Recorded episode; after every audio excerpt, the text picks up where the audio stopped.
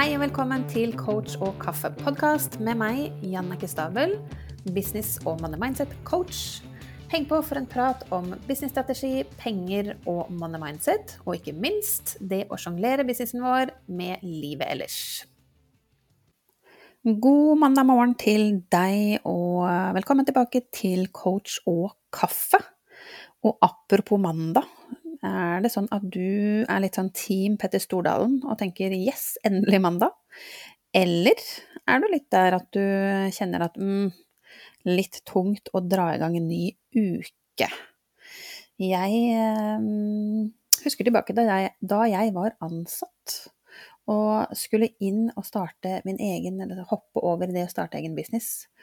Og så opplevde jeg støtt og stadig at jeg hadde så mange blåmandager, og så lurte litt på åssen skal, skal, jeg deale med det når jeg kommer over egen business og bare er meg selv? Fordi i livet som ansatt så hadde jeg jo en leder, et team rundt meg, en gjeng kolleger.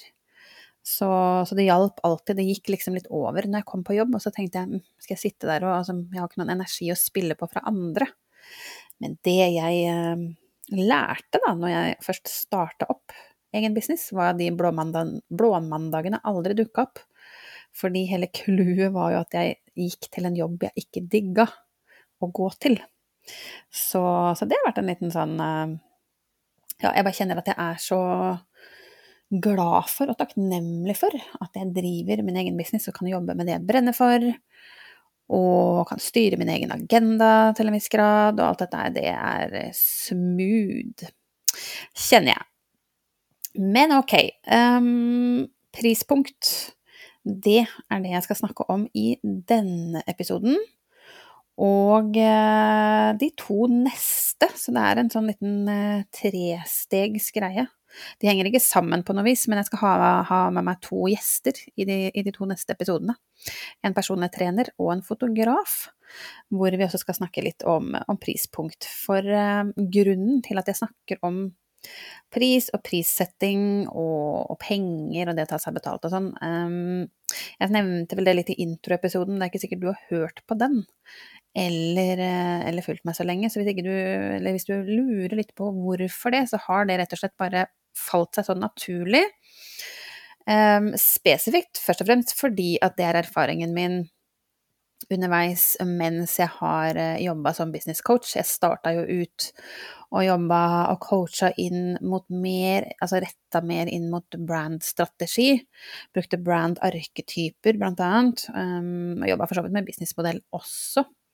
Men det var liksom orienteringen i begynnelsen, og så har jeg en stund hjulpet uh, kunder å lage online-kurs.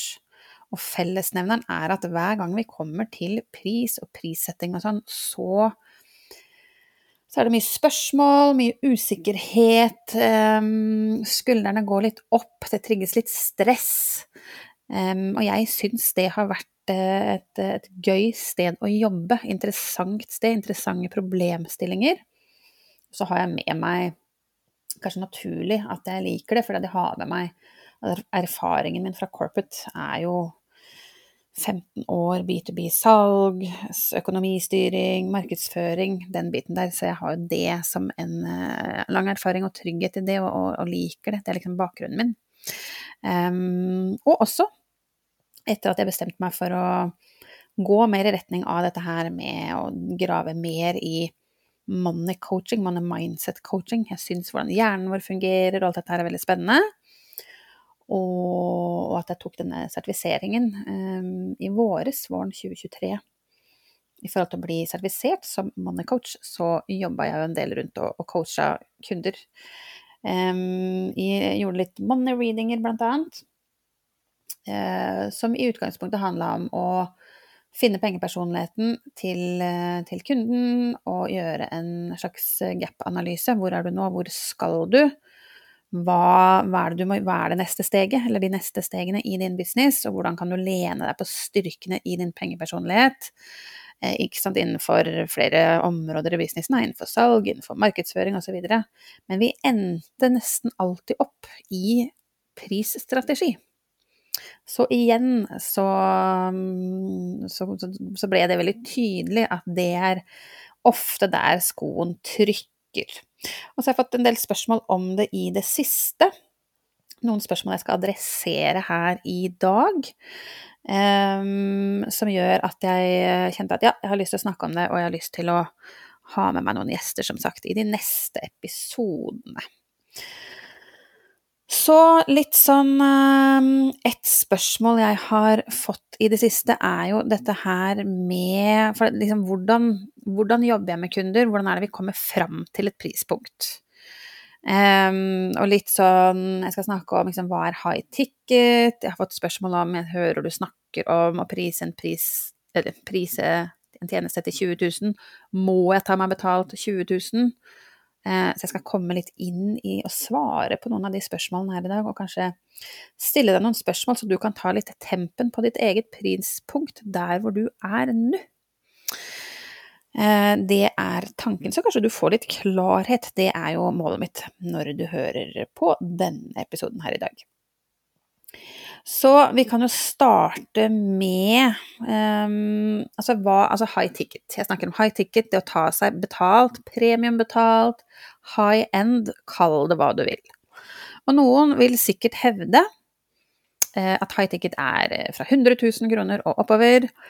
Noen vil sikkert hevde at det er fra 50 000 og oppover, noen uh, kanskje fra 30 000. Og grunnen til at jeg har sagt, og, og, på en måte sier ta deg bedre betalt, dytt det prispunktet over 20 000 kroner fra der og oppover.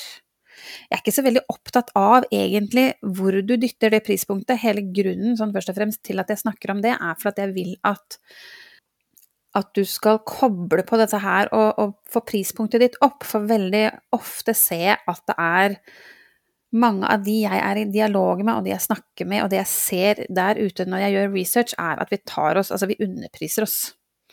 Eh, så jeg vil at du henger på den knaggen og begynner å se for deg at kanskje jeg skal flytte det prispunktet litt oppover. Eh, til syvende og sist, det som er viktig for meg, det jeg brenner for, er at du skal holde deg business, og at du skal skape profitt. Jeg bryr meg egentlig ikke om hvordan du prissetter deg. Er det sånn at man må ha en tjeneste i businessen sin som er high ticket? Nei, absolutt ikke. Jeg kan komme tilbake til det. Så jeg blåser egentlig i hvordan du prissetter det. Um, men jeg vil på en måte Et eller annet sted må jeg adressere det der å skape den nysgjerrigheten. At det er mulig å ta seg bedre betalt. Men hvis jeg f.eks. hadde snakka om at du må prise deg fra 50 000 og oppover, så er det mange som ikke Altså det gapet blir for stort, så de hadde ikke klart å identifisere seg med, eller en gang begynne å si at, dette, at jeg snakker til vedkommende. Så de ville bare hoppa videre uten å liksom klare å se Veldig ofte så sitter det i tankesettet vårt rundt det å skulle ta seg bedre betalt. Så det er veldig mye greier som rører seg rundt der. Um, så derfor har jeg på en måte, mens 20 000 er kanskje mindre far-fetched på en måte, men om du tar deg betalt 20 000, 30 000 eller 15 000 eller 50 000, jeg bryr meg egentlig ikke om det. Eh, for å være helt ærlig. Så, så, hvis noen tenker sånn ja, men hun snakker om high ticket og 20 000 er ikke high ticket, det, er ok, men det er ikke det som er viktig her.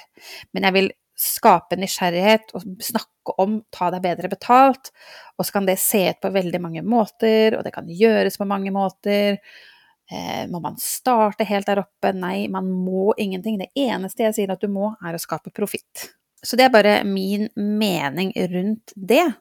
Eh, så, så det handler, og det handler egentlig ikke om pengene. Jeg blåser i penger. Det det handler om, er at vi holder oss i business fordi vi skaper profitt, sånn at ikke vi må tilbake til en jobb vi ikke digger. Ref det jeg sa i innledningen, jeg hadde så mange blåmandager, for jeg dreiv og gikk til en jobb jeg ikke digga. Det påvirker kaffedelen, det påvirker privaten, dette kjenner jeg at jeg blir veldig engasjert i. Eh, og jeg har nylig vært i dialog med ei som står med en fot inn i egen business og skal ta det steget. Og, eh, og, jeg, og da kjente jeg at alt dette kom opp igjen, at jeg liksom kjenner på det engasjementet jeg brenner så for. Og husker sånn hvordan det var tilbake for bare typ tre-fire år siden, når jeg gikk til en jobb hver dag og bare åh, ja, nei, ikke digga det, jeg brukte hele dagen på det og hvor ja, takknemlig jeg er for eh, at jeg nå kan jobbe med det jeg elsker, og styre dagen min sjøl og alt dette her. Så ok, så da har jeg på en måte definert hvorfor jeg snakker om high ticket og, og hva det egentlig er og sånn, men la oss gå litt uh, videre. Så, så, har jeg fått et spørsmål i, uh, i, forbindelse med at jeg var en kartlegging, og så sier hun jeg ser du snakker om um, altså må jeg selge tjenesten min til 20 000? Fordi jeg forstår veldig godt at det å når det er et gap mellom at ok, man innser kanskje at man skal ta seg godt nok betalt, enten fordi at man skjønner at Og jeg håper du er med meg på det der at uh, for å holde businessen din gående og på en måte få det til å gå rundt og kunne skape denne profitten, så er vi nødt til å ta oss betalt. Det gir forhåpentligvis mening. Og også litt inn i problemstillingen, altså det du hjelper kundene dine med. Eh, så for å svare tilbake må man, altså man må ingenting. Det er you do you. Eh, og jeg kunne Altså, er det mange andre der ute som driver suksessfulle businesser med god profitt, som kanskje selger ting og tang til 99 kroner, 100, altså 500 kroner, 1000 kroner? Ja, absolutt. Um, så jeg kunne eksempel Altså, business coaching kan være så mangt. Så det finnes helt sikkert business coacher der ute som retter seg mot La oss si jeg kunne snakket Hvis jeg f.eks. hadde mer en sånn grafisk bakgrunn, så kunne jeg sagt, vet du hva Selv lag egne design og gå og selg de på Creative Market. Det kan man jo gjøre. Jeg har kjøpt en del greier der. Så hvis du sant, De gangene du trenger maler på ting, eh, og du ikke gidder å bruke tid i Canva selv, eller ikke er så god på det, så elsker jeg Det finnes jo alt mulig mellom himmel og jord på Creative Market. Eh, maler til Instagram, stories, det kan være salgssidemaler, det kan være banners, det kan være Det er alt mulig der. Så jeg kunne sagt, vet du hva, fokuser på å selge designet ditt der, ta 500 kroner for det, og bare selg low ticket til et høyt volum. Det, og så er det en strategi rundt det, hvordan skal du, ikke sant, da må du ha veldig mange kunder. Så hvordan skal du kjøre markedsføringen din for å få masse folk inn? Eh, og hvordan skal du selge det? Da hadde jeg jo ikke snakket om salgssamtale, f.eks., for, eksempel, for det hadde ikke vært noe poeng. Man kjører, det er jo ikke sånn at jeg må inn i en salgssamtale for å kjøpe noe på Creative Market. Det ligger der. Det er som en nettbutikk. Går inn, klikker 'jeg vil ha den eller den malen'. Kjøpsprosessen, beslutningsprosessen min er helt annerledes enn de kundene jeg selger til nå, når jeg snakker om high ticket. Så det er mange måter å gjøre det på, men i mitt tilfelle, hvorfor jeg endte opp her, er jo rett og slett for at jeg hele veien siden jeg starta, har tiltrukket meg coacher, veiledere, mentorer, mentaltrenere osv. Eh, som stort sett jobber B2C, altså business to consumer. Hjelper mennesker, eh, hjelper kundene sine, potensielle kunder, med å få det bedre i en eller annen retning finne sin livs, livsoppgave, hva du har lyst til å drive med gjennom human design f.eks., leve et godt liv med ADHD, sove bedre fordi de er i overgangsalderen eller er småbarnsforeldre eller hva vet jeg, eh, redde ekteskapet sitt, komme i gang med trening eller gjøre en varig livsstilsendring osv., osv., osv. Så det er bare Jeg har gått i den retningen, så det handler jo om å bli litt spesifikk. Eh, ikke prøve å gjøre alt mulig, ikke prøve å hjelpe noen med å selge eh, sine design på Creative Market, og samtidig rette meg mot de som ønsker å ta seg bedre betalt. Så begge deler funker, men jeg har bare valgt å gå i den retningen. Så det handler om å gå for noe og eliminere noe annet. Og, og grunnen til det er for at jeg naturlig Altså, jeg er coach selv, jeg har ikke den grafiske bakgrunnen, så det hadde vært veldig rart å skulle hjelpe noen å styre med å selge design på Creative Market, f.eks. Um, og i det at jeg da hjelper coacher og alt dette her, veiledere, med det jeg nettopp nevnte, så sier det seg litt selv at problemstillingen er verdt noe. Hvor mye, hva skal jeg ta betalt, hvilket prispunkt skal jeg ta? Så håper jeg du er med meg på at, at resultatet de får når de jobber med deg, er verdt noen ting. Ja, men hvor mye? Ja, ok, jeg skal dra deg gjennom hvordan jeg har tenkt litt selv også eh, tidligere, sånn at jeg kan hjelpe deg til å liksom navigere litt her, hvis du sitter og lurer på det. Eh, men litt sånn sammen med det, da, så fikk jeg også et spørsmål når jeg jobber med kunder, hvordan er det vi kommer fram til eh, prispunktet? Er det f.eks. jeg som, som, er med og setter prispunktet? Eh, og det er det ikke. Så enten så er det sånn at eh, den jeg jobber med, f.eks. Altså har en tjeneste allerede oppe og går, så da er det jo et prispunkt der allerede. Og det er min jobb å prøve å finne ut av og hjelpe deg med å få klarhet rundt hvordan satte du det prispunktet, og se om det henger på greip. Så jeg har ikke noe formening om det prispunktet, jeg bare hjelper deg, stiller deg noen spørsmål i så fall, for å finne ut av er det der du skal være, og så får jeg deg til å tenke og reflektere rundt det. Eh, eller hvis man er i gang med enten er i gang og starter opp, skal i gang med første tjeneste, eller er oppe og går i business, men skal eh, f.eks. utvikle en ny tjeneste til en ny nisje eller målgruppe eller noe sånt, og ikke har liksom erfaringen innenfor den tjenesten, på en måte, ikke har noe ut... Altså, det er ikke en tjeneste der allerede, så det ligger ikke noe prispunkt der. Så er det fortsatt ikke jeg som foreslår det prispunktet. Men tilbake til det jeg sa, da. Hva, gitt at du hjelper noen med å, å skape en varig livsstilsendring, f.eks., hva tenker du? Hvor bør landet ligge? Hvor lang tid tar det å få dette resultatet? Eh, hvor mye tilgang har, du, ha, har, de på deg? Det påvirker litt prispunktet her. Jo mer tilgang de har én til én med deg, eh, er det over 90 dager, er det over et halvt år, er det over et år? Det, det Naturlig nok så kan man liksom begynne å, å tenke litt eh, rundt det. Så svaret på er det jeg som, som setter prispunktet? Nei, det er det ikke som coach så er ikke det min jobb. Min jobb er å hjelpe deg i å lande og få trygghet og få kontroll. Så nei, du må ikke begynne eh, noe som helst sted. Altså et eller annet sted må du begynne, men må det være 20 000, må det være 30 000, 40 000, 15 000? Det må ingenting. Så det hjelper jeg deg med. Enten å ta med det utgangspunktet du har. Eh, jeg jobbet nylig med en kunde som er etablert, så hun hadde da et utgangspunkt. Eh, så jeg spurte henne hvor, hvor kommer det prispunktet fra. Vi snakka litt om det, og det var litt sånn basert på litt sånn eksternt fokus, fordi det var eh, andre, det er noen andre i markedet, naturlig nok. Veldig ofte så har vi på en måte hva skal Jeg si, jeg liker ikke å kalle det konkurranse, men det er andre som opererer i samme marked og gjør noe tilsvarende. Det er et godt tegn. At andre klarer å tjene penger på det du har lyst til å tjene penger på. Um, så ikke så være så redd for konkurranse. Men hun um, hadde kanskje litt respekt for at ja, vedkommende hadde kanskje lengre ansiennitet, var mer etablert og sånn. Så hun følte dermed at tjenesten sin, eh, liksom logisk kanskje eh, Jeg kan skjønne at man tenker at det er logisk, at da må man prise seg litt lavere enn den andre, som kanskje er mer etablert. Men det gir ikke helt mening, fordi at kundene dine, hvis vi går, løfter fokuset bort fra oss selv og tjenesten vår, og løfter fokuset over på kunden, hva er det de verdsetter, hva er det de til syvende og sist betaler for? De er opptatt av én ting, og det er seg selv, og å få løst det problemet de har.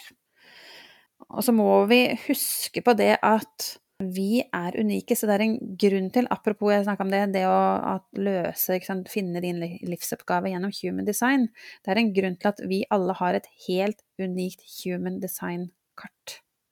Du er unik. Så andre kan være mer etablert enn deg, men det er for det første en grunn til at de kommer til deg og ikke til vedkommende, for dere er forskjellige. Dere har forskjellig personlighet, energinivå, måte å snakke på, og dere, tjenesten deres er jo ikke 100 identisk.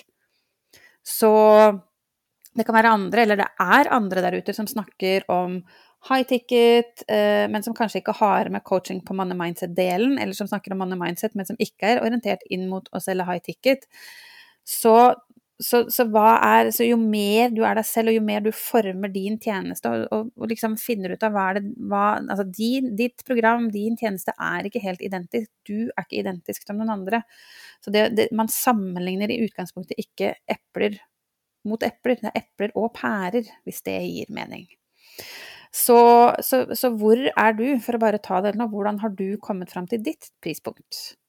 har du kanskje en orientering mot noen andre, eller har sammenligna deg med noen andre, så kan det være lurt nå å vende blikket innover. Hvor mye verdi, eller hva er, hva er det verdt, tror du, i, i, i øynene på kundene dine når de får hjelp med det du hjelper dem med. Legg fokuset ditt der.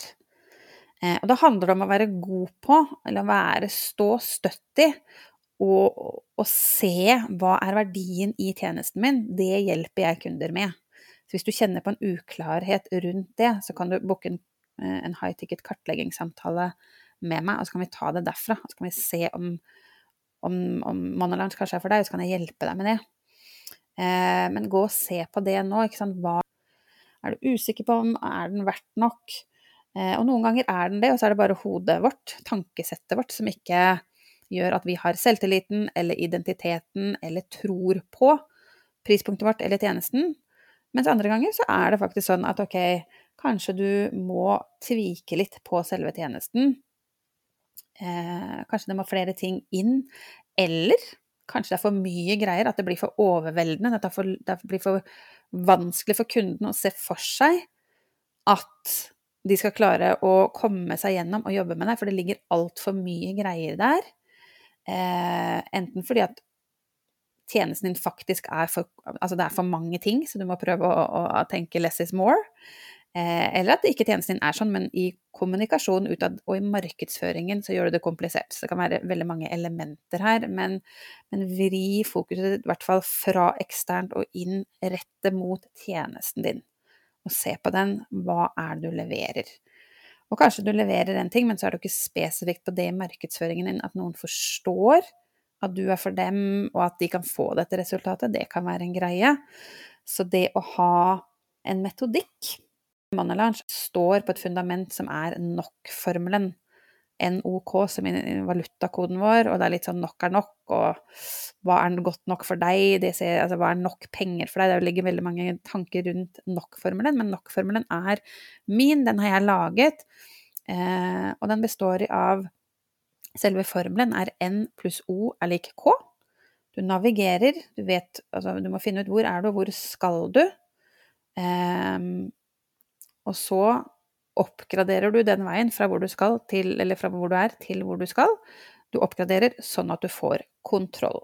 Så N står for navigere, O står for oppgradering, K-en står for kontroll.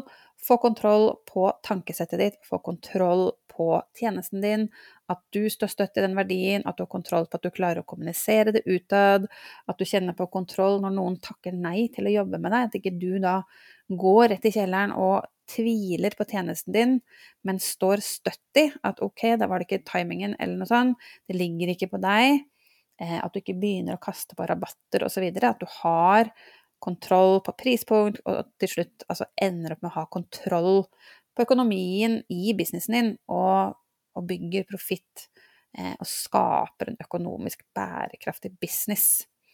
Eh, så nok-formelen er på en måte det jeg leder med. Alt vi gjør, Eh, er det bunner i det. Navigere, oppgradere og få den kontrollen. Hele veien gjør vi det. Så sånn sett så er det min metodikk, min prosess. Hva er det vi oppgraderer? Jo, den er todelt. Det er tankesettet vårt rundt penger, og så er det strategien, A til Å, for hvordan du kan finne ut av hvordan skal tjenesten din se ut. Vi designer den tjenesten.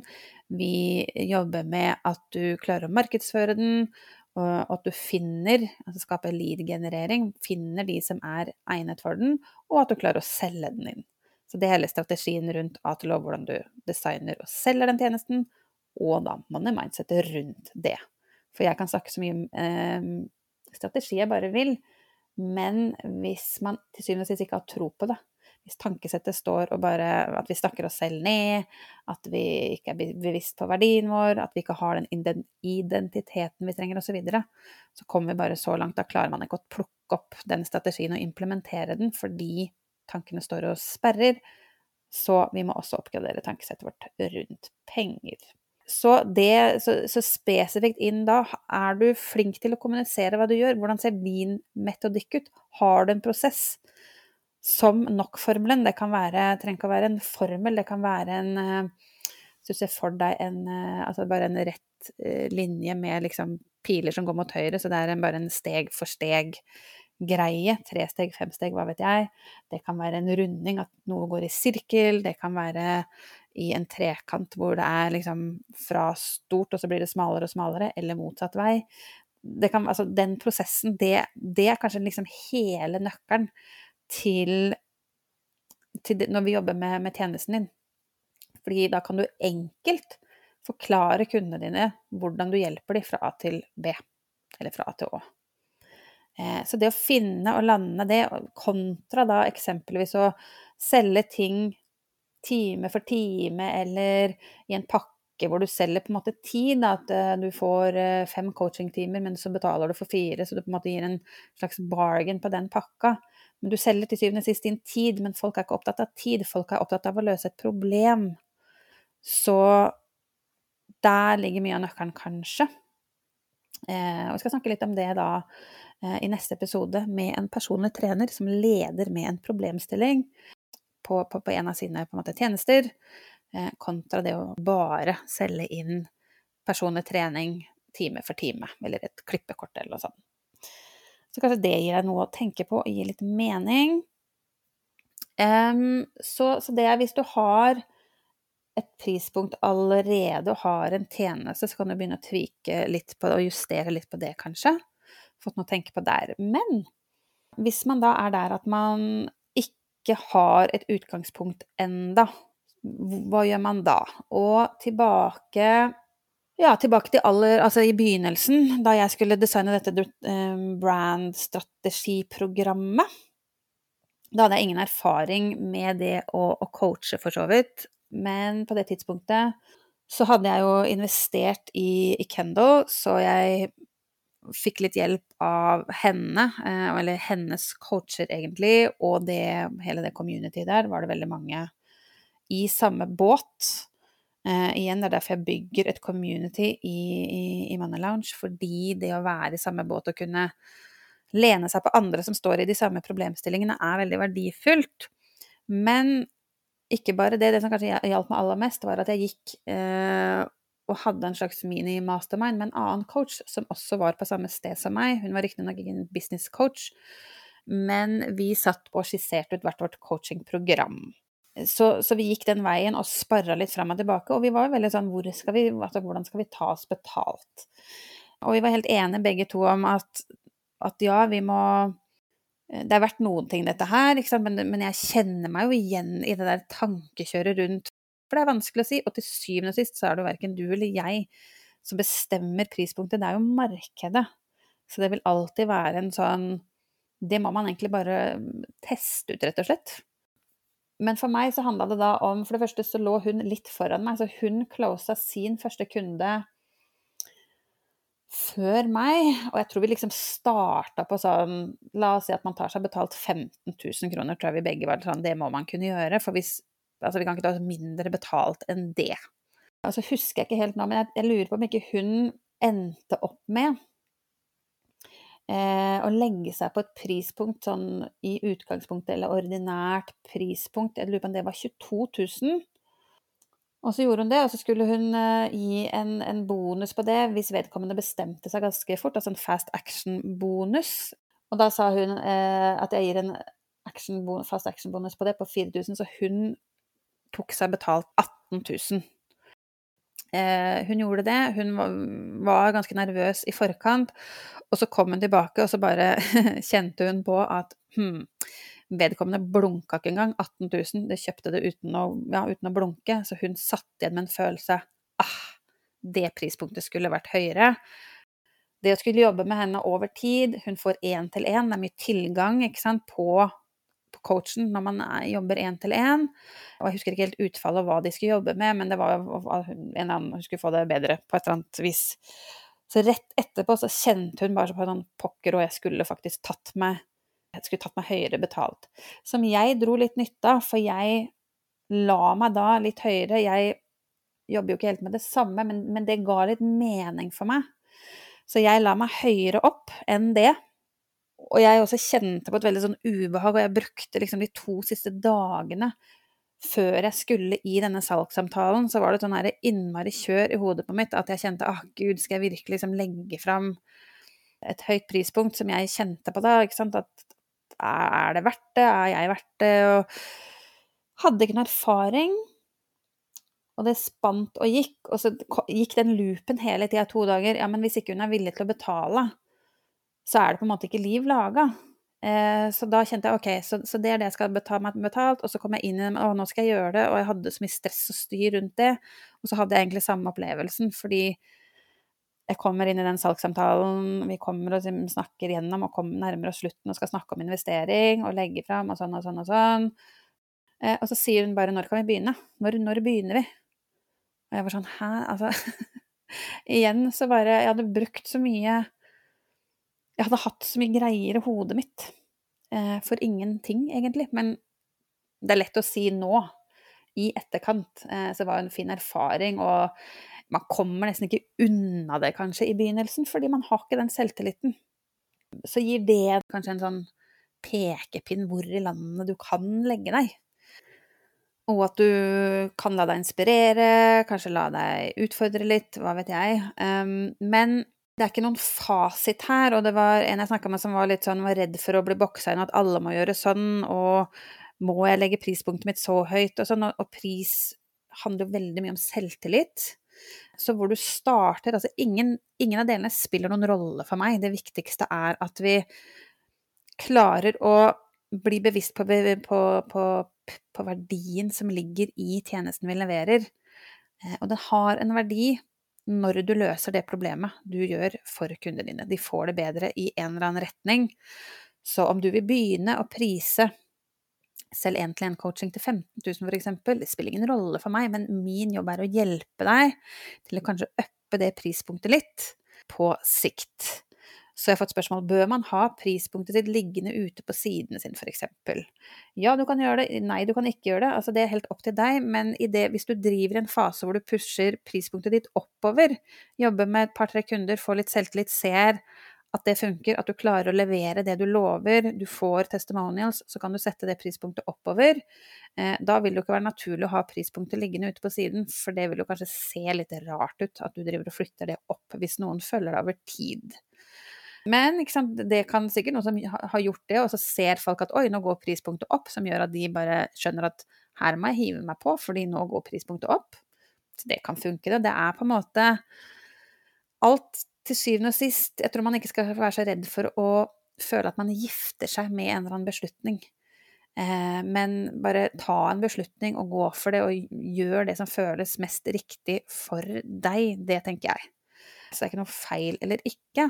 Eh, og så er det ikke sånn at vi bare kan hva skal jeg si, pushe det, eller du kan pushe det prispunktet opp til du merker at etterspørselen avtar såkalt priselastisitet. Altså det er markedet som bestemmer, til syvende og sist. Men min erfaring og det jeg ser der ute, er at de aller fleste, eller veldig mange, er ganske langt unna å prise seg ut av markedet. Fordi vi har ting og tang i hodet på oss som gjør at vi tenker at vi ikke kan ta oss nok betalt. Og det handler om at i en økonomi og en verden sånn som verden ser ut nå, og med, med at folk mange folk får, eh, eller har, mindre penger å rutte med for tida. Så har man kanskje en dårlig samvittighet for at man skal eh, ta seg bedre betalt, fordi man vet at folk har mindre råd, så man kan kjenne på en dårlig samvittighet der. Det kommer litt an på personligheten din. Så hvis du er den omsorgsfulle eller eh, er connector eller relasjonsbyggeren, da, kanskje er mer opptatt av det å gi og bygge relasjoner, og er ikke naturlig så drevet av penger, f.eks., så kan det være en ting som bare er helt naturlig for at du har den personligheten. Gjøre at du tenker liksom Ja, eh, jeg kjenner at jeg kan ikke ta meg bedre betalt nå. Jeg, jeg, vet at jeg burde gjort det, men jeg har ikke liksom hjerte til å ta meg bedre betalt. Men kan vi ta litt den digresjonen da? Jeg har så lyst til å adressere det inn i denne episoden som handler om prispunkt. Men det å flytte fokuset bort fra deg og fra prispunktet ditt og fra tjenesten din, men og over på kunden, og tenke lite grann på hva innebærer det for kunden din at du flytter prispunktet ditt opp. Og da mener jeg, hva innebærer det mer enn at de må legge litt mer penger på bordet for å jobbe med deg? Men har du tatt inn over deg at innsatsen de legger igjen, øker når de legger mer penger på bordet? Kan det tenkes at du har kjøpt en eller annen ting altså Har du kjøpt et online-kurs som ikke du har åpna noen gang? Eller kjøpt et eller annet? Det har i hvert fall jeg. Fordi eh, jeg har kanskje blitt frista av en veldig Ja, sant, en rabatt eller et eller annet sånt, og bare tenkt å, dette her har jeg lyst til å gjøre, jeg har bruk for det. Jeg har kjøpt Jeg kjøpte en gang en sånn eh, kurs hvor jeg skulle lære meg å ta bedre bilder med mobilen og sånn, det åpna jeg aldri. Eh, så, så, det å kjøpe noen ting fordi at, at, man, at det er tilgjengelig økonomisk, det er, det er, ikke så mye investering som ligger i bunnen der, eh, og så blir det ikke en prioritering for deg. Det har i hvert fall jeg opplevd, og mest sannsynlig har kanskje du det også, som gjør at du hjelper kunden å ta en beslutning. Er det nå du skal fokusere på å løse dette problemet, eller ikke? Så hvis du setter prispunktet ditt ned fordi du ikke tør å ta deg godt nok betalt, så får du kanskje med deg kunder som er litt lunkne til problemstillingen sin. Så hadde det vært nice, nice to do, men, men ikke need to do. Så da har de ikke veldig dype søvnproblemer eller veldig mye utfordringer med ADHD i livet sitt, eller eh, er kanskje litt nysgjerrig på human design, men er ikke så gira, det er ikke så viktig for de, eller Eh, de tenker at de, liksom, de, er glad i å trene og skulle bare hatt mer tid til å trene, men det er ikke superviktig. Og så slenger de på vet ikke, 2000-4000 for å jobbe med deg i en eller annen retning, og så bare koker det bort i kålen. Men idet de begynner å legge si 20 000, 30 000 eller mer på bordet, så tar de den beslutningen at jeg kommer til å prioritere å løse dette problemet nå, for de legger såpass mye penger på bordet. Jeg tror ikke i hvert fall for mitt vedkommende, de gangene jeg har investert high ticket, i Sigrun, i Kendal, som jeg snakket om flere ganger, så er det ikke sånn at jeg ikke møter opp, at ikke jeg har bestemt meg. Altså, jeg har tatt den beslutningen, jeg er villig til å gjøre jobben. Og når jeg skal gjøre den jobben, så butter det imot. Det har butta imot. Og prispunktet har vært med som en motivasjon på at jeg må stå i det som er vanskelig nå. Jeg har lyst til å gi opp, jeg ser ikke hvordan jeg skal komme meg videre. Jeg tror på et eller annet tidspunkt at jeg ikke får det til, men jeg må bare pushe videre, for jeg har lagt såpass mye penger på bordet. Så jeg, jeg, jeg skal, skal, få det til. Eh, og så har jo da programmene og strategien også vært deretter. Vært så bra. Jeg har hatt tilgang på coachene. Jeg har ikke bare sittet for meg selv i et online-kurs, left on my own terms. Så, så, så, ja, så da har jeg snakket litt om hvordan jeg gikk opp aller første gangen. Eh, og før jeg begynner å runde av, så tenker jeg at jeg har også lyst til å dra deg gjennom hvordan har jeg tenkt nå da med Money Lounge. Fordi hvis du sitter og kjenner på 'jeg burde ta meg bedre betalt', eh, 'jeg vet ikke, jeg skjønner ikke helt dette med prissetting', 'jeg er litt nysgjerrig på high ticket', book en high ticket kartleggingssamtale, og det er viktig for meg å formulere eller få uttrykt at jeg tror ingen på en måte begynner å jobbe med meg og kjenner dette er plankekjøring, jeg føler meg helt lugn, fordi da hadde du antagelig ikke investert i meg. Eh, så det er naturlig å kjenne på, kjenne deg ukomfortabel, kjenne deg utrygg og usikker. Det er, det er helt lov, det er helt naturlig at man gjør det. Så ikke hold deg tilbake fra bare i hvert fall begynne å sjekke ut, ta det første steget og, og, og bukken, ha et eget kartlegging, og så tar vi det derfra. Men mest sannsynlig så vet du ikke ting på forhånd, og, og det, det, tenker jeg liksom at det er relevant i det at hvordan jeg har tenkt med Mona Lounge. fordi hvordan ble det egentlig til? Jo, tidligere Altså det har vært ja, en lang prosess, et halvt års tid, hvor i våres, da jeg drev med money readinger, og så at jeg har lyst til å lage et program Først, Aller først så tenkte jeg jeg skal lage en VIP-dag. For jeg har vært veldig glad i VIP-dager, og, og skal nok også komme med VIP-dager etter hvert. Men jeg innså fort, når jeg liksom begynte å, skulle implementere og selge inn, så tenkte jeg men en VIP-dag skal vi se. Det å jobbe med money mindset, f.eks. å jobbe med identitet Vi kan ikke endre identiteten vår på én dag. Og så handla det også om å begynne med end in mind, på en, på en måte. Hvor skal jeg lede kundene? Hva er det jeg ønsker å lede med?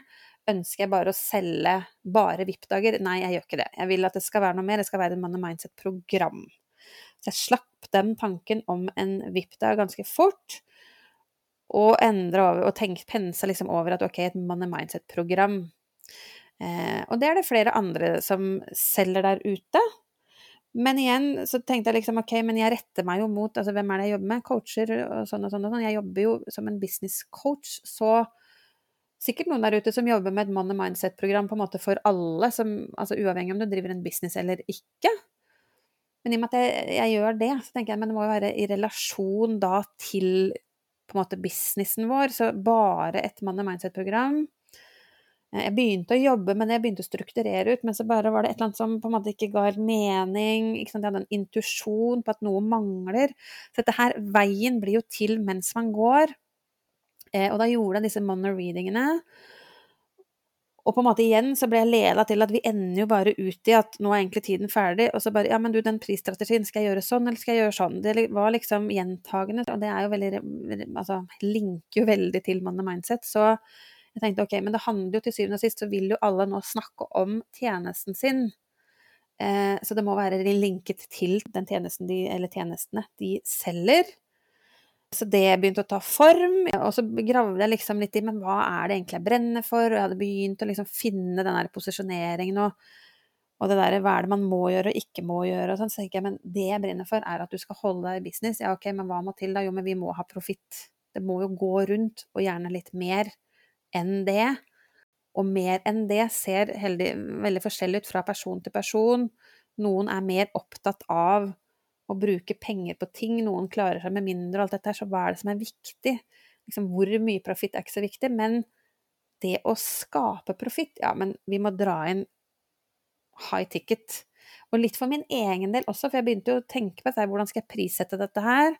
Bruke min egen liksom, oppskrift på å tenke, ja, men hvor mange kunder skal jeg jobbe med, hva er dette her verdt? Hvis jeg setter prispunktet opp, så kan jeg også da jobbe med færre kunder og ha mer tid så det bare Den veien ble litt til mens jeg nå har gått i løpet av det året her. Og så et stykke ut i prosessen, før jeg bestemte meg for å bare posisjonere meg inn med at ok, jeg, det er high ticket. Jeg vil snakke. Jeg vil snakke til de. Jeg ser at det er mange som underpriser seg. Um, den problemstillingen både jeg løser, men også da kundene mine løser, er verdt mye. Det er jo helt priceless. Både det å kunne få kontroll i businessen sin og holde seg i business og skjønne liksom hvordan skal jeg tjene de pengene, hvordan skal jeg ha kontroll på kostnadene mine og få profitt, sånn at jeg holder meg flytende og kan jobbe med det jeg elsker, osv. Og, og også at kundene mine løser de problemstillingene de gjør, det er verdt så mye. Eh, som igjen da gjorde at jeg løfta prispunktet mitt over i high ticket-sjiktet. Så det har vært min greie. Så jeg jobba meg rundt. Er folk villige til å betale for dette her? Jeg tenkte på et tidspunkt at jeg skulle gå inn og gjøre en slags early bird og bare sette prispunktet så lavt at pris var At jeg eliminerte ut det, at det ikke skulle stå i veien for meg, som er en veldig, veldig dum strategi. Men jeg tenkte det, jeg også, i begynnelsen. Eh, helt til jeg bare tenkte, men vent litt nå. Kommer de til å gjøre jobben? Får jeg med riktig folk? Litt det derre kvaliteten på kundene man jobber med, og da snakker jeg ikke om kvalitet i form av personer, hvordan folk er, men kvalitet på er de villige til å gjøre jobben? Hvor motivert er de til å liksom gå inn og faktisk løse problemet sitt? Og hvis jeg legger det prispunktet veldig lavt, så er det en stor risiko for at jeg får med feil folk det jeg vil liksom avslutte med nå, er at til syvende og sist så kan man tenke Og det kommer altså hva 20 000? 30 000? Er det mye penger, ja eller nei? Hvis jeg går på butikken og skal kjøpe meg en is, og den koster 20 000 kroner, jækla dyrt. Ikke sant? Så alt er relativt, så hva er det de egentlig får?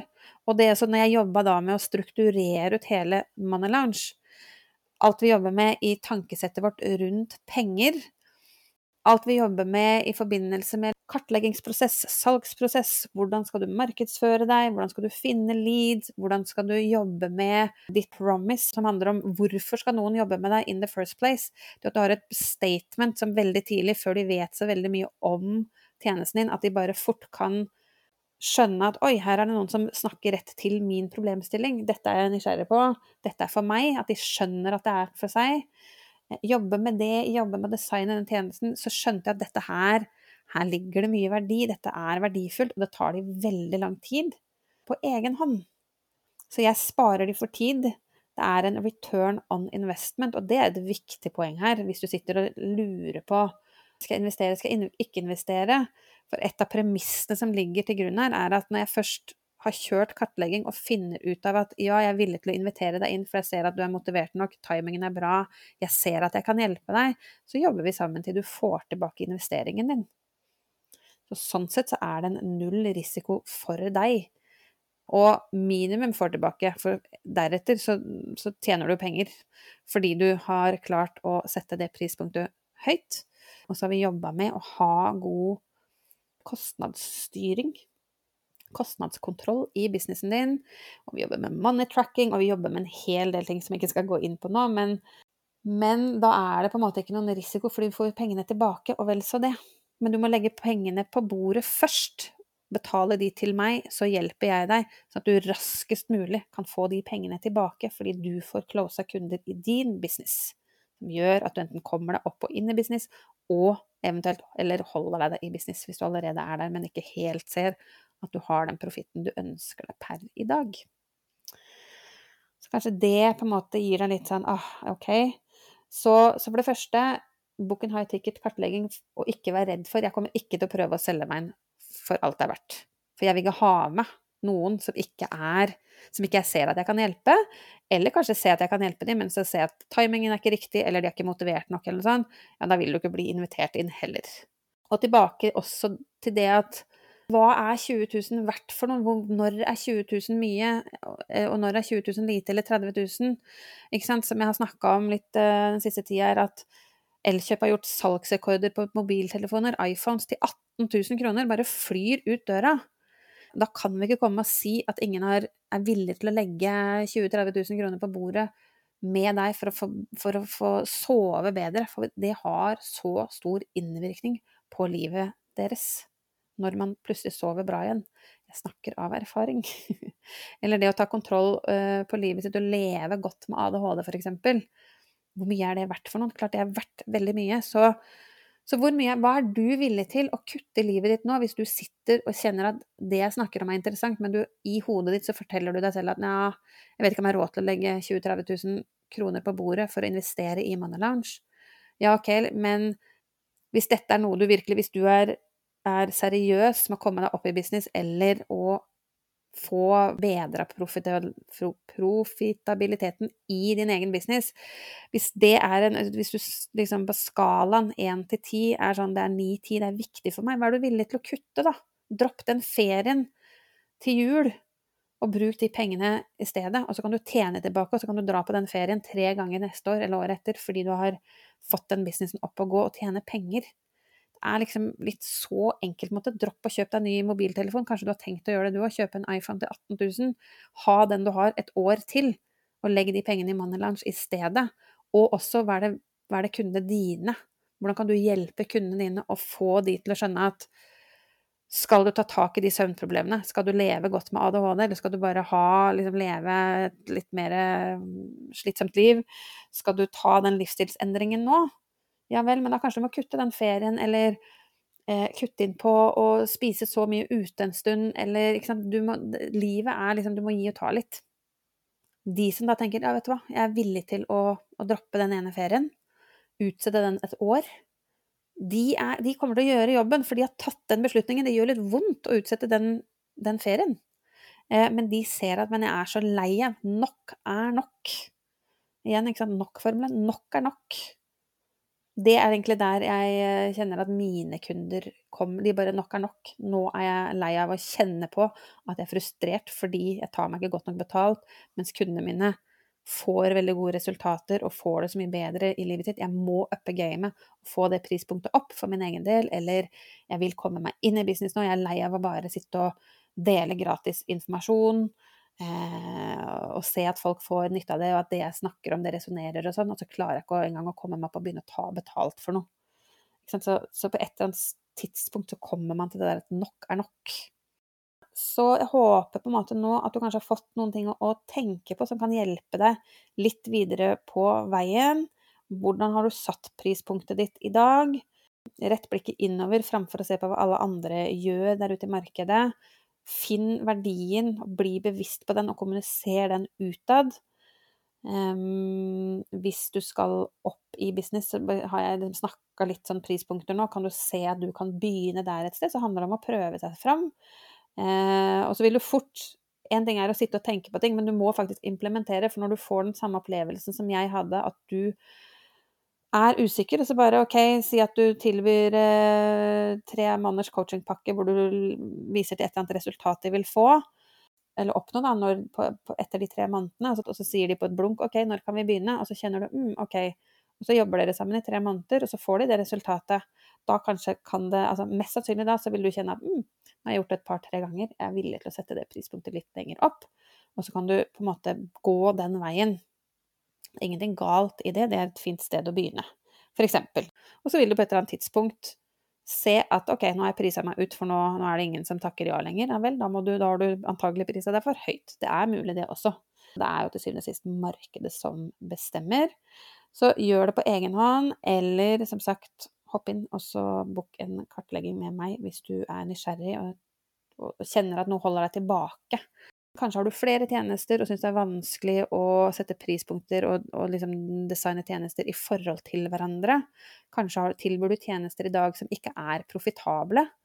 Det kan være litt vanskelig å kvitte seg med, det hjelper jeg deg med.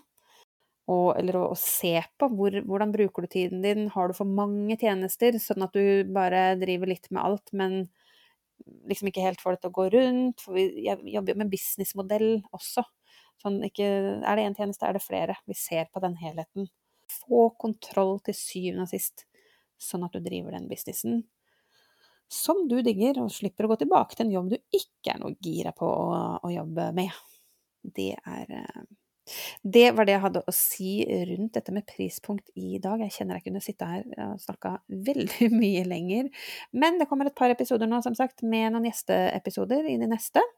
Eh, med en personlig trener og en fotograf, så får med deg de etter hvert som de også slippes på mandagene framover. Eh, og med det så ønsker jeg deg bare en eh, fortsatt fin uke, og så høres vi i neste episode. Takk for at du hører på Coach og kaffe. Og hvis du liker det du hører, blir jeg supertakknemlig hvis du kan sette av et lite minutt til å gå inn nå og gi meg en god rating, så flere som deg kan dra nytte av denne podkasten. Og med det så gleder jeg meg til vi høres i neste episode.